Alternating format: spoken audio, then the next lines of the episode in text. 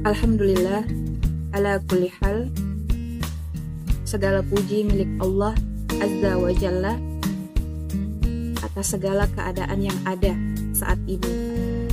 Mungkin inilah doa-doa yang terucap dari para calon jamaah haji yang kemudian tahun ini tidak bisa berangkat lagi.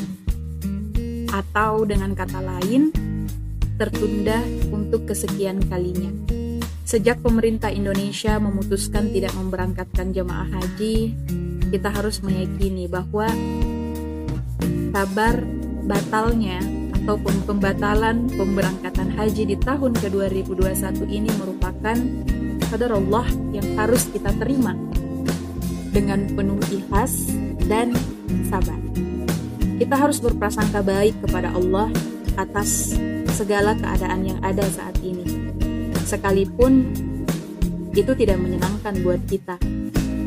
Karena keadaan dan situasi yang kita hadapi saat ini memang terjadi karena kuasa dan izinnya. Jangan pernah sekalipun kita berprasangka buruk kepada Allah ketika pemerintah kemudian telah memutuskan untuk tidak memberangkatkan calon jamaah haji Indonesia di tahun 2021 ini banyak yang sedih, marah, dendam, sedih, marah, dan dendam adalah tiga dari sejumlah tindakan yang menyebabkan dada kita ini terasa sempit. Tetapi ternyata hal-hal seperti itu tuh sering sekali menghiasi hari-hari kita, menghiasi hidup-hidup kita.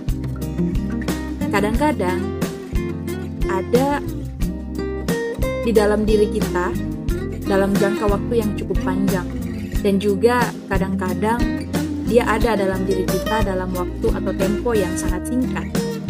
Yang pastinya saat sifat-sifat tersebut bersarang dalam dada kita, maka pastilah dada kita akan terasa sesat dan hati kita pun menjadi sangat lemah.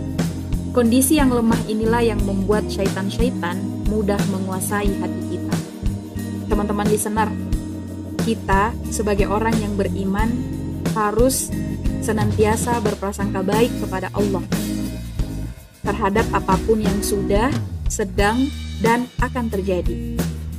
Prasangka baik kepada Allah Azza wa Jalla ini diwujudkan dalam bentuk merasakan dan menyadari bahwa Allah Subhanahu wa taala adalah zat yang senantiasa menghilangkan segala kesedihan dan duka dalam hati kita. Apabila seorang hamba berprasangka baik kepada Allah, Allah akan senantiasa membukakan baginya pintu-pintu keberkahan dari arah yang tak disangka-sangka. Maka, marilah kita senantiasa berprasangka baik kepada Allah. Semoga kelak kita bisa melihat berbagai hikmah di balik setiap kejadian yang datang dari Allah Azza wa Jalla. Dalam sebuah hadis dari Abu Hurairah radhiyallahu an, Rasulullah shallallahu alaihi wasallam berkata, Allah Azza wa Jalla berfirman, Aku mengikuti prasangka hambaku kepadaku. Jika ia berprasangka baik, maka baginya kebaikan dan jika ia berprasangka buruk, maka baginya keburukan pula. Hadis riwayat Imam Ahmad dan Ibnu Hibban. Teman-teman listener, kita harus senantiasa mempelajari dan memperdalam ilmu syar'i.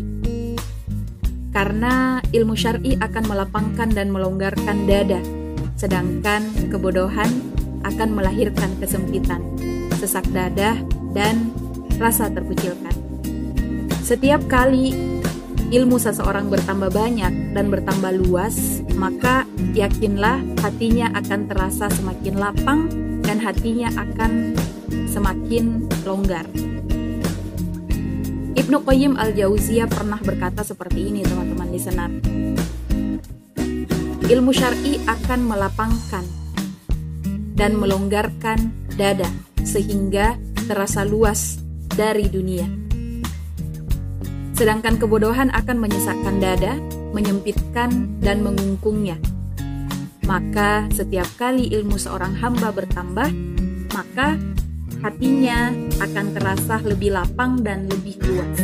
Tetapi ini tidak akan berlaku untuk semua ilmu, kata Ibnu Qayyim al-Jauziyah, melainkan khusus bagi ilmu yang diwarisi dari Rasulullah Shallallahu Alaihi Wasallam. Itulah ilmu yang bermanfaat, sehingga pemiliknya menjadi orang yang hatinya paling lapang, paling baik akhlaknya, dan paling baik hidupnya. Teman-teman listener, ketika dada kita terasa sesak dan urusan kita itu ruah, ribet, maka angkatlah telapak tangan seraya memohon kepada Allah Azza wa Jalla, tumpahkanlah semua keluhan dan kesedihan kita kepadanya. Cucurkanlah air mata kita di hadapannya, dan semoga Allah memelihara kita. Sesungguhnya Allah Azza wa Jalla lebih mengasihi kita daripada diri kita sendiri mengasihi diri kita, daripada ayah dan ibu kita mengasihi kita, daripada istri dan anak-anak kita mengasihi kita. Jadi, teruslah berdoa dan berzikir sebagaimana yang dicontohkan oleh Rasulullah Sallallahu Alaihi Wasallam. Jangan pernah tinggalkan kesempatan untuk berdoa kepada Allah Azza wa Jalla. Sebagaimana sabda Rasulullah Sallallahu Alaihi Wasallam dari Abu Bakar radhiyallahu an, ia berkata bahwasanya Rasulullah Sallallahu Alaihi Wasallam bersabda, doa orang yang kesusahan adalah Ya Allah, rahmatmu aku harapkan, maka janganlah kamu bebankan aku kepada diriku meskipun hanya sekejap mata. Dan perbaikilah bagiku segala urusanku. Tiada ilah melainkan engkau. Bersegeralah untuk meninggalkan semua kemaksiatan yang pernah kita lakukan. Bersegeralah untuk melakukan muhasabah terhadap diri, karena kemaksiatan itu adalah kehinaan tersingkir dan terjatuh dari rahmat Allah Azza wa Jalla. Kesedihan, kekalutan, dan kesempitan hati harus disadari bahwa perbuatan dosa-dosa adalah pintu yang besar bagi datangnya berbagai musibah kepada seorang hamba. Memelihara rutinitas dalam menunaikan kewajiban dan memperbanyak amalan sunnah seperti puasa, sholat, sedekah, kebaikan yang dilakukan secara terus-menerus adalah salah satu sebab untuk mendapatkan kecintaan dari Allah Subhanahu wa Ta'ala. Teman-teman listener, kita harus senantiasa untuk berbuat ihsan kepada semua manusia dan memberikan manfaat dengan segala yang kita miliki adalah salah satu sebab terbukanya hati Sifat pemurah, dermawan, dan suka membantu orang lain akan melapangkan dada dan mengharumkan jiwa. Karena itu, marilah kita senantiasa berusaha sekuat tenaga untuk menjadi orang yang dermawan dan suka membantu orang lain, terutama kepada orang tua kita, kerabat, tetangga, sahabat, dan kawan-kawan kita. Hasad, iri, dan dengki merupakan sebab kesempitan dada seseorang. Sebaliknya, kebersihan dan ketentraman hati merupakan sebab kelapangan dada seseorang. Karena itulah, mari kita senantiasa berusaha menyehatkan hati kita, menjauhkan hal-hal yang menyebabkan dada kita sesak. Mari kita tinggalkan kebencian, permusuhan, dan kedengkian kepada orang lain. Sebaliknya, mari kita pupuk rasa cinta terhadap saudara-saudara kita sebagaimana sabda Rasulullah Shallallahu Alaihi Wasallam, tidaklah beriman salah seorang dari kalian hingga ia mencintai saudaranya lebih dari mencintai dirinya sendiri. Hadis riwayat Bukhari. Teman-teman listener, orang yang hatinya sempit biasanya susah untuk mengontrol emosi, walaupun pada masalah yang sepele atau masalah-masalah kecil. Kondisi ini kemudian menyebabkan dirinya jauh dari Allah Kemudian marah itu sendiri asalnya berasal dari syaitan. Sebagaimana diriwayatkan oleh sabda Rasulullah Shallallahu Alaihi Wasallam yang artinya marah itu dari syaitan dan syaitan itu dari api. sedangkan api hanya bisa dipadamkan dengan air. Meski hadis ini sanatnya lemah, namun ada hadis lain yang menguatkan. Bukhari meriwayatkan bahwa ada dua orang yang saling caci maki di hadapan Nabi.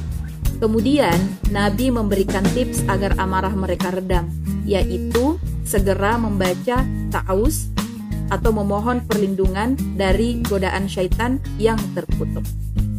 Semoga Allah mengaruniakan hidayah kepada kita semua sehingga kita tetap istiqomah, senantiasa berlapang dada dan berprasangka baik kepada Allah Subhanahu wa taala dari semua kondisi yang kita hadapi.